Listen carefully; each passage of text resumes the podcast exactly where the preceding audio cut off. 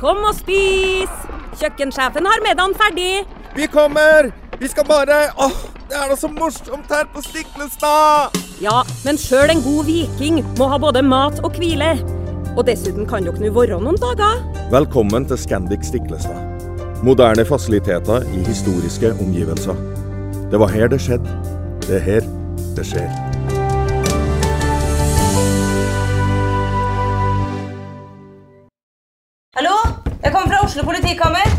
Ine Jansen er purk. Er du purk? The motherfucking bitch. Alt jeg vil, er å finne ut hva som skjedde med mannen min. Jon Carew. Er jeg sikta for noe? Iben Akeli. Det er du.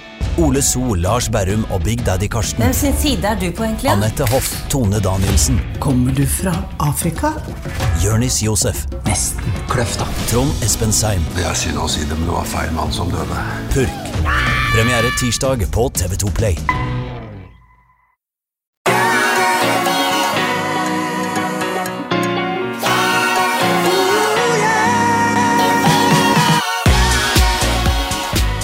Velkommen til podkasten Hjernesterk. Vi, eh, vi er blitt litt sånn innimellom, så tar vi opp eh, aktuelle temaer. Vi eh, leser jo i mediene, Ole Petter. Innimellom så blir du eh, er du med i disse mediesakene selv også. Um, så det er en fin måte å være litt aktuell, og til og med kanskje litt tabloid, hvis vi har den muligheten. Men i hvert fall at det er en debatt rundt dette med forebygging, rundt dette med eh, helsevesenets rolle i folkehelsa. Eh, Det er jo litt eh, spennende, og vi har jo hatt eh, Torkel Fære på besøk og masse andre sterke ressurspersoner som ønsker å bidra bl.a. til mer forebyggende innsats. Og Det er jo nå blitt en diskusjon. Eh, Og Det var du som sendte meg innspillet på det, Ole Petter. Eh, Det syns jeg var midt i blinken. Eh, Og Det er da en replikk på NRK Ytring som eh, er et motsvar. Da. Det er da Marte Kvittum Tangen, som altså er leder eh, for da Norsk forening for allmennmedisin. Og så er det Peter Prytsch, som er legespesialist i allmennmedisin. Og så er det Kirsti Malterud, som er professor emerita i allmennmedisin, som publiserte dette her da altså 12. februar, som er et motsvar til et eh, innlegg som ble skrevet av Anette Dragland, Torker Færø og Gunhild Mel Melleby, om, eh, hvor, de, hvor overskriften er 'Et sykt helsevesen'. Og eh, Færø, Drageland og Melleby skriver da at vi kan ikke lenger tillate at folk må bli syke før vi behandler dem. Um, jeg så jo på, jeg leste dette her, Ole Petter, og liksom litt sånn min konklusjon etter å ha lest mot, eller tilsvaret da, eh, fra, fra disse legene, eh, det er jo at eh, det er på en måte ikke vår jobb å drive forebyggende arbeid. Jeg vet ikke om det er hva du tenker om den oppfatningen. Bare for å forenkle det veldig.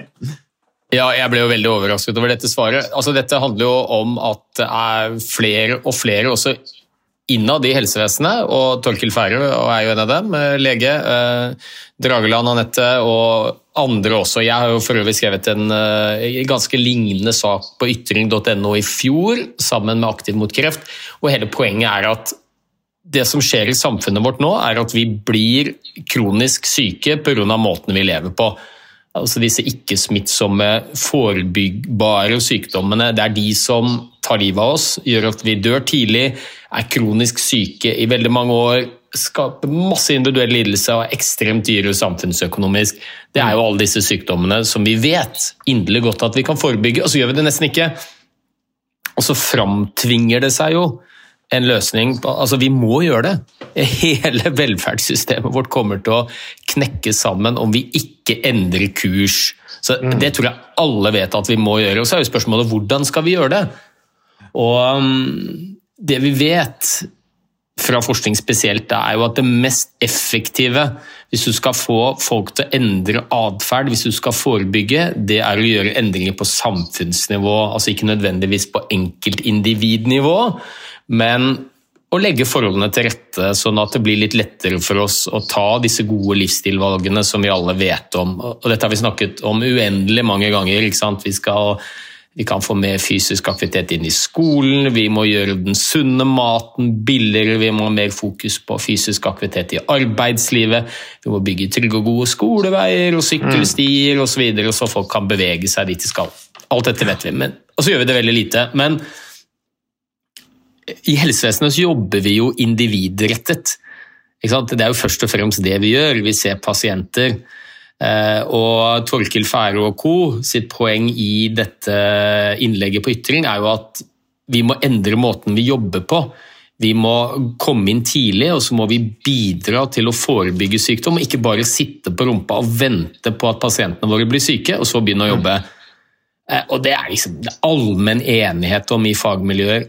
Eh, og så er jo tilsvaret da fra fastlegene, for dette er jo interesseorganisasjonen for fastleger, mm. som selvfølgelig har som sin oppgave å støtte fastlegene, skriver jo rett og slett å forebygge sykdom er viktig, men fastlegenes jobb er først og fremst å finne en best mulig løsning på pasientenes problemer. Og De skriver jo til og med at ja, forebygging er viktig, men kanskje er det ikke i helsevesenet under tidspress vi skal drive med individuell forebygging. Nei. Eh, og, og da, da, blir jeg eh, da, da, skjønner ikke jeg helt hva, hva, hva de snakker om. Og, Nei, Du er jo lege sjøl, Ole Petter. Du har jo gjort dette her i praksis. Du, du, du satte jo i gang eh, treningsgruppe selv. Ja, ja, ja. Altså, det er helt klart at man skal jobbe for å være en advokat for pasientene og prøve å finne best mulig løsning for pasientenes problemer.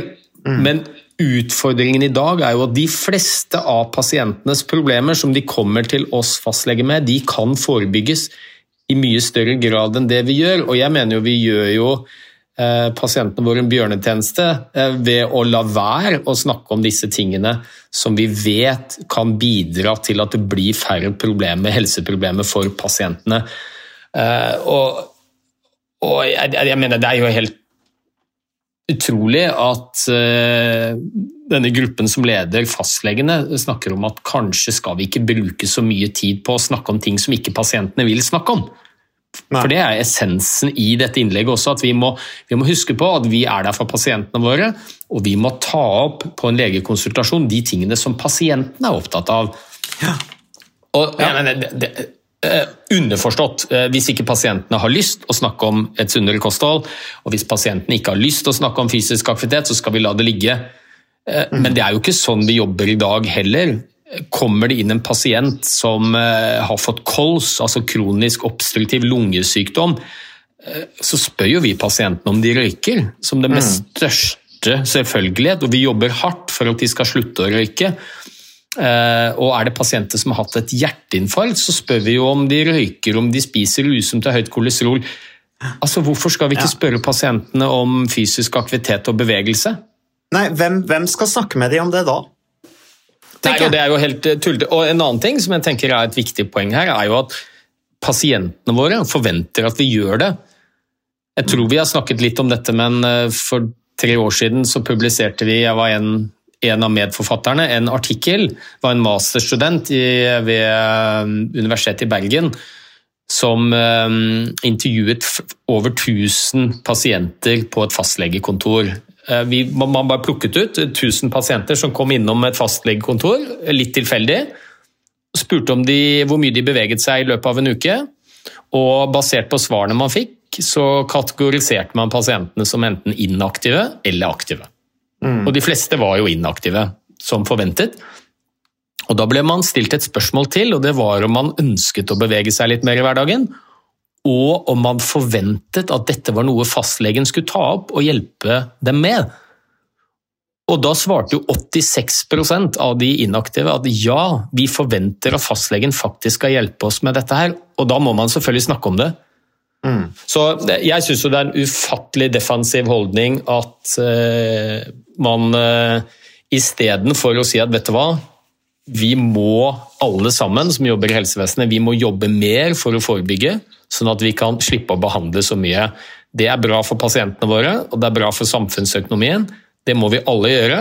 Isteden så er det et svar om at nei, nei, fastlegen leverer, er tittelen på, på, innlegget. Som om ja, ja, fastlegene jobber sånn som de skal, de er flinke til å snakke om fysisk aktivitet og mm. kosthold. men Vi skal først og fremst snakke om det pasientene vil, og så er det kanskje ikke forebygging som vi skal gjøre på individnivå. Ja, det tenker jeg det er en ufattelig defensiv holdning, og skal vi alle som jobber i helsevesenet tenke sånn, så kommer det ikke til å skje noe. Nei, altså bare ser jeg på artikkelen her. Folk blir syke, står det, skriver disse legene. da. Eh, folk blir syke uansett hvor stor innsats fastlegen eller den enkelte har gjort angående livsstil. Men det er vel en sannhet med visse modifikasjoner, fordi her er det jo eh, Og hele poenget til Torkil Færø i spissen, da, det er jo nettopp det at hvis, hvis legen er litt frampå og ser tendensene, så kan man jo kanskje unngå at, at, pasienten blir skikkelig syk. Det er vel det som er poenget til Torkil Færø og, og, Drageland og, og, hun andre tredje der som jeg ikke husker navnet på akkurat nå. Men, men, men det, det, det, er akkurat som om de liksom blir Om de føler seg pressa av, av det som skrives, uh, og at de har et sånt behov for å si at nei, vi skal ikke være ansvarlige for at noen blir syke? Er jeg helt ute på jordet når jeg oppfatter det slik? Nei, men, men, det er jo spennende ben under hele kunnskapsgrunnlaget vårt da, når, vi, når, de sier at folk blir syke selv om vi forebygger og snakker om fysisk aktivitet og kosthold og søvn. Og selvfølgelig mm. gjør man det. Mm. Og det er jo ingen som tror at uh, det å spise sunt, det å bevege seg litt mer i hverdagen, det å sove litt mer, at det er noe garanti mot å bli syk. Selvfølgelig er det ikke sånn. For det er mange ting som spiller inn. Mm. Gener, tilfeldighet, flaks, uflaks. Men det kan vi jo ikke kontrollere. Eh, det vi kan kontrollere, og som vi vet veldig godt reduserer sannsynligheten for å bli syk på nesten alle sykdommer som rammer oss, det er jo å gjøre disse små endringene. Mm. Få noen til å bevege seg litt mer i hverdagen. Spise ørlite grann sunnere, eller kanskje litt mindre. Få litt mer søvn. Mm. Eh, og, og så mange pasienter som vi fastleger ser, så tenker jeg jo at, og, og, Vi ser jo også pasienter før de blir syke, vi kjenner dem godt. De kommer til oss på rutineundersøkelser. og Kanskje har de noen risikofaktorer for å bli syke. Høyt blodtrykk, høyt kolesterol. Og Vi treffer så mange av dem at vi er i en unik posisjon til å bidra og gå inn tidlig Eh, sånn at man kan kanskje påvirke dem til å endre noe atferd, sånn at eh, de ikke blir syke. Mm. Så, så, det mener jeg det er jo Jeg tenker det er helt åpenbart at det må vi gjøre mer av. Samtidig så, så har jeg jo sittet som fastlege sjøl og vet hvor vanskelig det er å få det til i praksis, og det er ikke fastlegenes skyld. Så jeg klandrer ikke fastleger som eh, f.eks. har for lite ressurser og tid og mulighet til å forebygge i særlig grad, fordi at fastlegeordningen er ikke laget for eh, å jobbe med pasienter over tid for livsstilsendring. Fordi vi har dårlig tid, vi ser for mange pasienter. Har, mm. Eh, du må bruke masse tid hvis du skal følge opp pasienter på livsstil. Og vi er for få fastleger, og det er for lite midler i systemet til å kunne jobbe på den måten. Og så har vi ikke så mye om det på studiet heller, så det er ikke så rart at vi ikke, ikke kan så mye om det.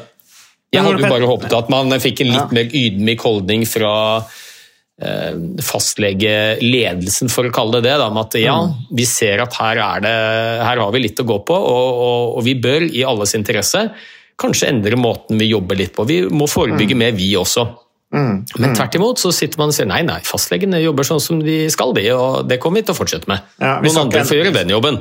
Skal ikke endre på noe, vi. Men uh, vi har jo snakket mye om dette her, da, med, med hva, en, løsninger på det som kan hjelpe. Uh, som kan være et ledd fra legen til med mer type tverrfaglig behandling. Da. Eh, og det er jo bl.a. dette med resept på trening, som jo har vært praktisert i ulike former, eh, bl.a. gjennom Frisklivssentralen en god stund. Eh, men, men, dette her vil jo ikke akkurat være med å styrke opp under det arbeidet som gjøres med å utvikle den type modeller, det svaret her fra legene? Ukas annonsør det er uh, HelloFresh. Og uh, hvis du nå går inn på hellofresh.no og bruker koden 'fresh hjerne', så kan du få opptil 1779 kroner rabatt på da de fem første matkassene dine, hvis du ikke har prøvd Hello Fresh enda. Og Ole Petter, vi er jo glad i Hello Fresh i podkasten Jernsterk, selvfølgelig fordi at de er en annonsør. De er med og bidrar til å spre det glade ordet om fysisk aktivitet og god helse, men i tillegg så har jo vi også nå lang erfaring med Hello Fresh eh, selv, så vi må jo si at det har vært gode erfaringer til nå. Ja, absolutt. Visste du, Mats, at HelloFresh det er faktisk verdens ledende matkasseleverandør? Og tilbudene til HelloFresh gjør det enkelt å lage gode og varierte retter som skaper matglede. Og matglede vet du, det er like viktig som hva du putter i munnen. Det å spise mat med folk du trives med. Så gjennom 25 nye og inspirerende retter hver uke så bidrar HelloFresh til dette. Du kan bestille ekstra porsjoner om du får gjester, eller hoppe over uke hvis du f.eks. skal bort. Og Det er ingen bindingstid, og du velger leveringstidspunkt og dag selv, så leverer HelloFresh matkassen din akkurat når det passer deg. Ikke dårlig, Mats. Nei, det er veldig bra. Så, øh, og dette er med enklere hverdag, det kan jeg nå skrive under på. For nå, forrige erfaring vi hadde forrige uke, Ole Petter, det synes jeg var Det var jo et gjennombrudd øh, for familien Kaggestad. For da lagde rett og slett barna De lagde middag og serverte middagen, så den var ferdig laget og servert da når eh, min kone Marita og meg kom hjem fra jobb. Og jeg mener Det var jo bare helt utrolig. Eh, Det var helt fantastisk. Det ble en nydelig middag. Riktignok de, de, de, de roter og søler litt, det gjør de. Så, men, men maten ble veldig god. De var veldig stolte over å kunne å ha både laget og servert maten, så det var helt fantastisk. Så vi har jo da i siste så har vi eh, spist eh, bl.a. sitron- og dillstekt hyse med ovnsbakte grønnsaker og aioli. Eh, Vi har spist middelhavsinspirert kylling. Taco, så finnes det mange ulike typer taco. F.eks. vietnamesisk taco, som vi har spist. Thailandsk vegetargryte. Veldig riktig og sunt eh, i dagens eh, samfunn med, med fokus på bærekraft. Hvitløk og chilistekte reker i spagetti, det var definitivt en vinner. Så det er så flott. Du får rimelig mat ved at du kun betaler for det du trenger, så det blir ordentlig feststemning med Hello Fresh. Det gjør det, og nå er det bare for deg å gå inn på hellofresh.no og bruk koden FRESH hjerne'. Da får du opptil 1779 kroner rabatt på de første fem matkassene dine, hvis du ikke allerede har prøvd HelloFresh. Du kan også bruke rabattkoden hvis du har stoppet abonnementet ditt for tolv måneder siden eller mer. Er det noe å lure på? Håper maten smaker godt. Bon appétit! Nei, nå, nå er det jo sånn at denne Norsk forening for allmennmedisin, som er en veldig viktig organisasjon, det er dyktige folk som jobber der, de er jo med og støtter eh, disse forskningsprosjektene som skal gå på å, å finne nye metoder for å utvikle grønn resept og henvise pasienter til veiledet fysisk aktivitet. Så, så det er nok ikke noe motstand mot det. Men er det ikke Eh, rart de ikke skriver noe om det, da? I dette motsvaret til Jo Færøy og, og, og, og Dragland og Melleby. At de ikke skriver litt mer om de løsningene man jobber med å prøve å utvikle, eh, som også legen kan være med å bygge opp under. Jo da, så tror jeg man må huske her at dette er jo litt politikk i det også. Dette er fastlegenes interesseorganisasjon, og fastlegeordningen er under et voldsomt press. Det er eh, veldig få som har lyst til å bli fastlege. Vi mangler fastleger slutter. Det er mange erfarne leger som ikke orker å være fastlege lenger pga. arbeidspresset. Og det er vanskelig å rekruttere nye fastleger. Det er veldig mange fastlegehjemler som er ledige. Og det er klart Jo mer kritikk det blir av fastlegene og måten de jobber på, jo, jo vanskeligere blir det selvfølgelig å få tak i nye fastleger. Så det er nok litt politikk i dette svaret også. Mm. Man er litt redde for å, å Så man jobber for å beskytte fastlegene. ikke sant? Og, det, og jeg mener jo at det er jo ikke, ikke fastlegenes skyld at de jobber sånn som de gjør. Det er jo måten ordningen er organisert på, hva man har lært på studiet. Eh, Så jeg mener jo ikke at vi skal eh, gå inn på hver enkelt fastlege og si vet du hva, nå må dere begynne å, forebygge mer. Alle fastleger vet at det er viktig, Eh, men vi må legge forholdene til rette så det faktisk er mulig for fastlegene å bidra mer til forebygging. Det vil si at de må ha mer tid. Eh, Vi må ha mer om dette i legestudiet, så vi er mer komfortable med å snakke om kosthold og søvn og fysisk aktivitet. Og det mangler jo. Så det er jo ikke fastlegenes skyld. Men vi må, jeg tror vi må lage en liten kursendring på måten vi jobber på. Noen strukturelle endringer både på utdanningsnivå og hvordan ordningen er laget. Så um, det er jo ingen som tenker at det er fastlegene som personlig skal trene med pasientene og følge opp kanskje fysisk aktivitet eller kosthold, men man kan iallfall bidra til å identifisere de pasientene som eh, har behov for det, snakke med dem om det, tørre å snakke om fysisk aktivitet, tørre å snakke om vekt, tørre å snakke om kosthold. Eh, Og så kan man gjerne henvise til andre som har bedre tid og mer kompetanse på det. Men vi må være med. Ja. Vi kan ikke bare sitte og si at nei, nei, vi jobber sånn som vi gjør, vi, og det, det er mer enn bra nok. Vi fortsetter med det. Ja, og så tenker jeg bare på alle, særlig disse konene rundt omkring, som, eh, som prøver å si til mennene sine at eh, du må begynne å spise litt sunnere og det begynner å mosjonere litt, og de tingene der, så kommer de til legen, og så vil ikke legen snakke. Støtte opp under den kjære konas uh, iherdige forsøk på å få mannen sin til å få en bedre livsstil. Så kommer mannen hjem og sier ja, men, kona, men, men legen min nevnte det ikke. Han bare ga meg eh, medisiner. Så, Ja. så, det, så, så Legen har jo veldig mye makt. Veldig mange hører på legen. Legen har stor autoritet, i hvert fall blant den eldre delen av befolkningen, føler jeg. Så når da legen sier vet du hva, nå har du kommet dit og dit, eh, nå får du de og de medisinene, men du må også faktisk begynne å trene. Det anbefaler jeg deg. Ta kontakt med det og det stedet, så får du hjelp. Sånn, sånn burde Ja. det jo være. Og Vår oppgave som fastleger er jo å bidra til eh, pasientenes helse. Og når vi vet at eh, helse i stor grad påvirkes av eh, hvilke valg vi tar i hverdagen, så ville det vært helt unaturlig og rart om vi ikke skulle snakke om det. Jeg tror det handler om at dette er ikke noe vi er vant til.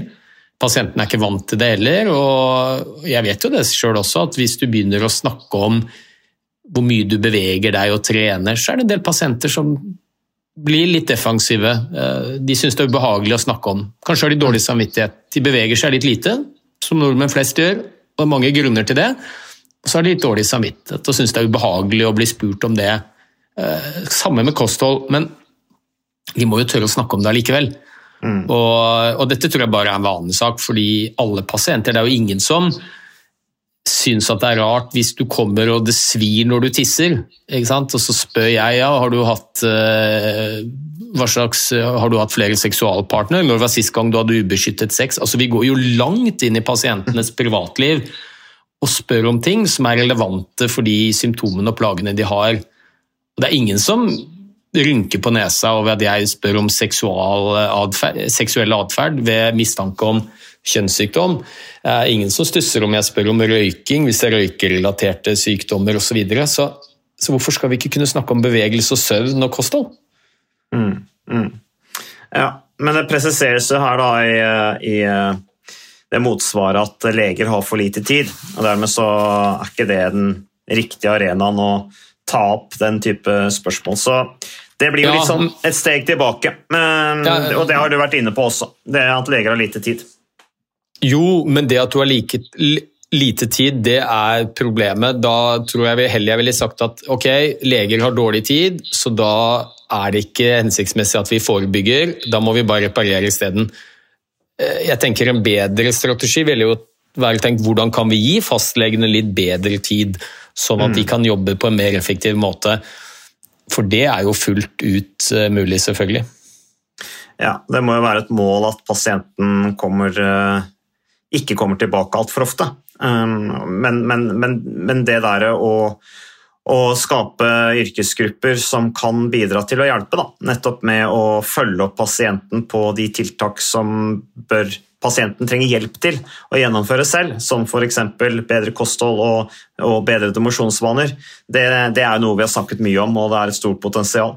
Men apropos eh, medisiner, eh, Ole Petter, vi, bare for å avslutte dette her. Eh, eh, jeg så også en eh, sak på NRK Ytring også, for så vidt eh, i Aftenposten, og hele forsiden av Aftenposten om dette med Osempic. Det har jo vi snakket om.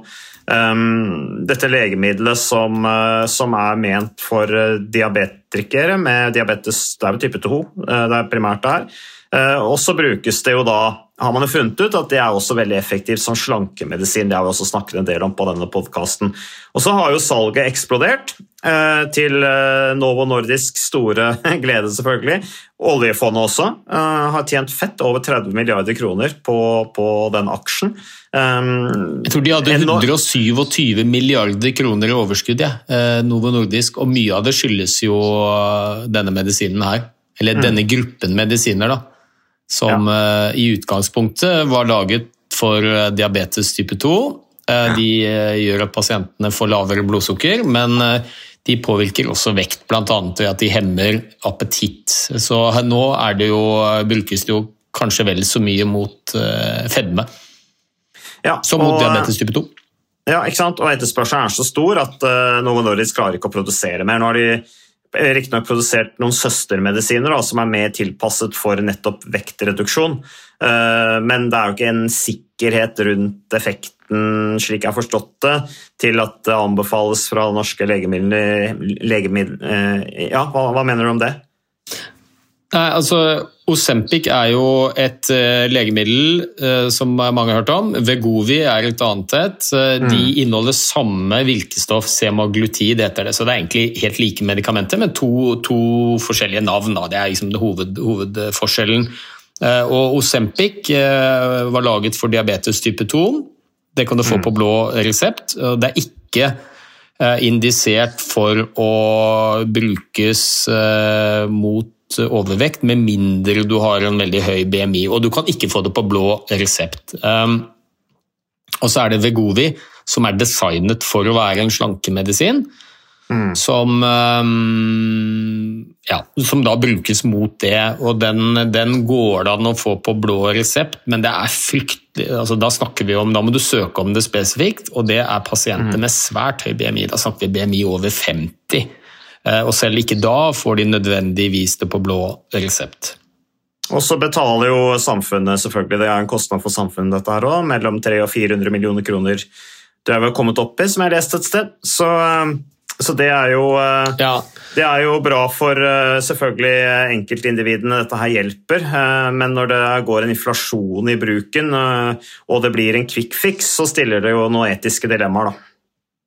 Ja, og et av de etiske dilemmaene og det som eh, bl.a. var på ytring nå, var jo Diabetesforbundet som eh, sier at vet du hva, eh, nå må det gå ut en advarsel til Eller en anmodning til norske leger om å ikke skrive ut Osempic, som er da diabeteslegemiddelet.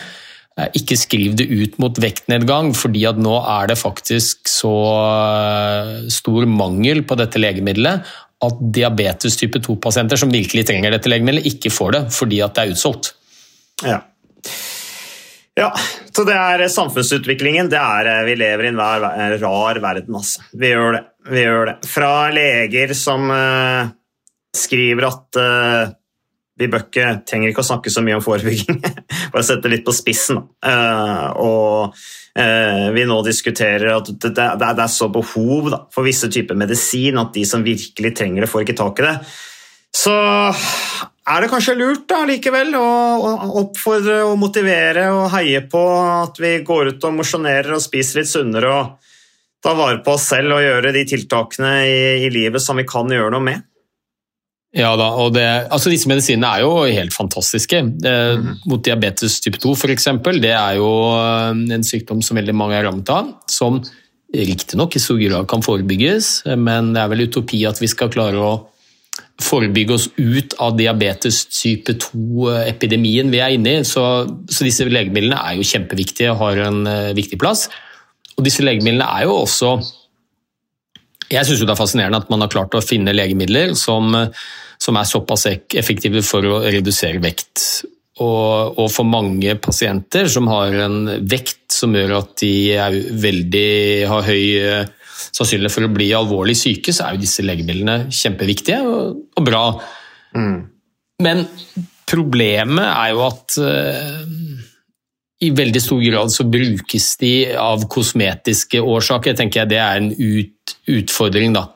Mm. Og um, Vi ser jo også at uh, det er ganske mange leger som uh, skriver ut disse legemidlene på blå resept, som bare er lov å gjøre hvis pasienten har diabetes type 2, men så har jo ikke pasienten diabetes type 2. De har overvekt eller fedme. Så skriver man dem ut på blå resept allikevel. Uh, og det er jo ikke noe spesielt bra, det er jo store kostnader for samfunnet. Så mm. Ja, det store spørsmålet som man kanskje ennå ikke har fått et helt konklusivt svar på, og som jeg tror vil avgjøre om disse legemidlene kommer på blå resept eh, for fedme og overvekt, det handler om hvorvidt de, ikke hvorvidt de er effektive for å redusere vekt, for det vet vi at de er, de er kjempeeffektive, men hvorvidt den vektnedgangen pasientene ser, også medfører redusert sannsynlighet for å bli syk. Mm. Altså om det reduserer sannsynligheten for å få diabetes type 2 eller hjerte-karsykdom. For da kan vi jo snakke om en ganske stor folkehelsegevinst hvis de kommer på blå resept. Men eh, jeg skulle jo ønske at det er, blir mindre å snakke om vekt, da. Mm. Og, og, mer fokus på helse, rett og slett fordi vekt er et dårlig mål på helse. La oss heller ja. snakke om de tingene som gjør at vi får bedre helse, uavhengig av vekt. Ja, og så kan, det så klart, så kan man si at ja, okay, hvis du går ned i vekt, så blir det lettere for deg å komme deg ut og gå i skogen og mosjonere. og Det blir en litt lettere hverdag som gjør at du får den energien du kanskje trenger. da. Til å mosjonere det er jo sikkert et motargument da, som folk vil komme med. Ja da, ja da. Så Det er litt sånn tveget sverd. Disse medisinene er gode, de er nyttige, de er fine. Jeg heier på de. Samtidig så kan det jo tenkes at disse medisinene eh, gjør det vanskeligere å få flere til å bevege seg litt mer og spise litt sunnere som en legekollega av meg sa, jeg skal ikke nevne navn på vedkommende, men hun sa det at nei, det er, nå er det ikke så mye vits å snakke om kosthold og fysisk aktivitet hos pasienter. Vi har fått så gode medisiner, vet du. Mm. Så da er det bare å gi dem disse legemidlene, så blir ting bra. Ja, det er blitt et sykt samfunn. Vi har fått et samfunn tilrettelagt for inaktivitet, og det gjør oss syke. Men spiller det noen rolle så lenge vi har, kan medisinere oss ut av det. Men noen må jo betale for dette her, da. Eh, og det er også et poeng i den der artikkelen at det begynner å bli en sånn klasseskille på hvem som faktisk nå eh, etter hvert kan få tak i disse medisinene. Må reise land og strand rundt for å, for å finne dem. Ja, og det, det, er jo også et annet problem her. Disse medisinene er jo dyre. ikke sant? Hvis du skal bruke de eh, daglig og, um, mot overvekt fedme, og du ikke får de på blå resept, som jo da bare er noen ytterst få som gjør, så koster det flere tusen kroner i måneden og Da har vi et annet problem, og det er jo dette med sosiale forskjeller i helse, som er kjempesvære i Norge. De mm. er, uten at vi helt vet hvorfor, for man skulle jo tro at i et sosialdemokrati hvor alle har lik tilgang i utgangspunktet på ressurser i helsevesenet osv., så, videre, så skulle helse være relativt mer jevnt fordelt enn i mange andre land, hvor det er annen type tankesett, i USA f.eks. Men sosiale forskjeller er formidable i Norge. og mm.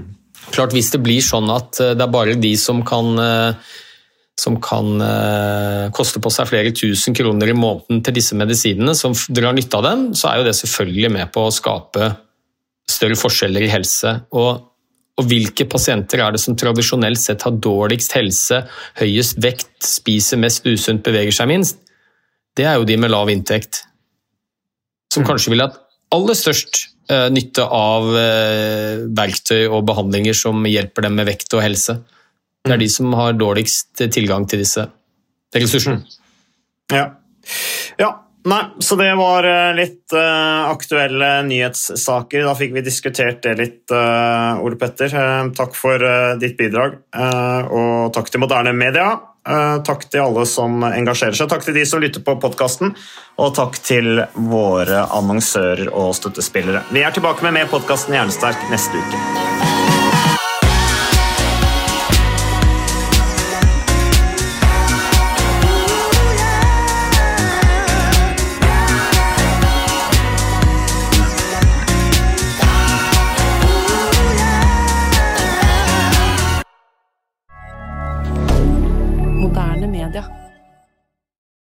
Har du et enkeltpersonforetak eller en liten bedrift? Da er du sikkert lei av å høre meg snakke om hvor enkelt det er med kvitteringer og bilag i fiken, så vi eh, gir oss her, vi. Fordi vi liker enkelt.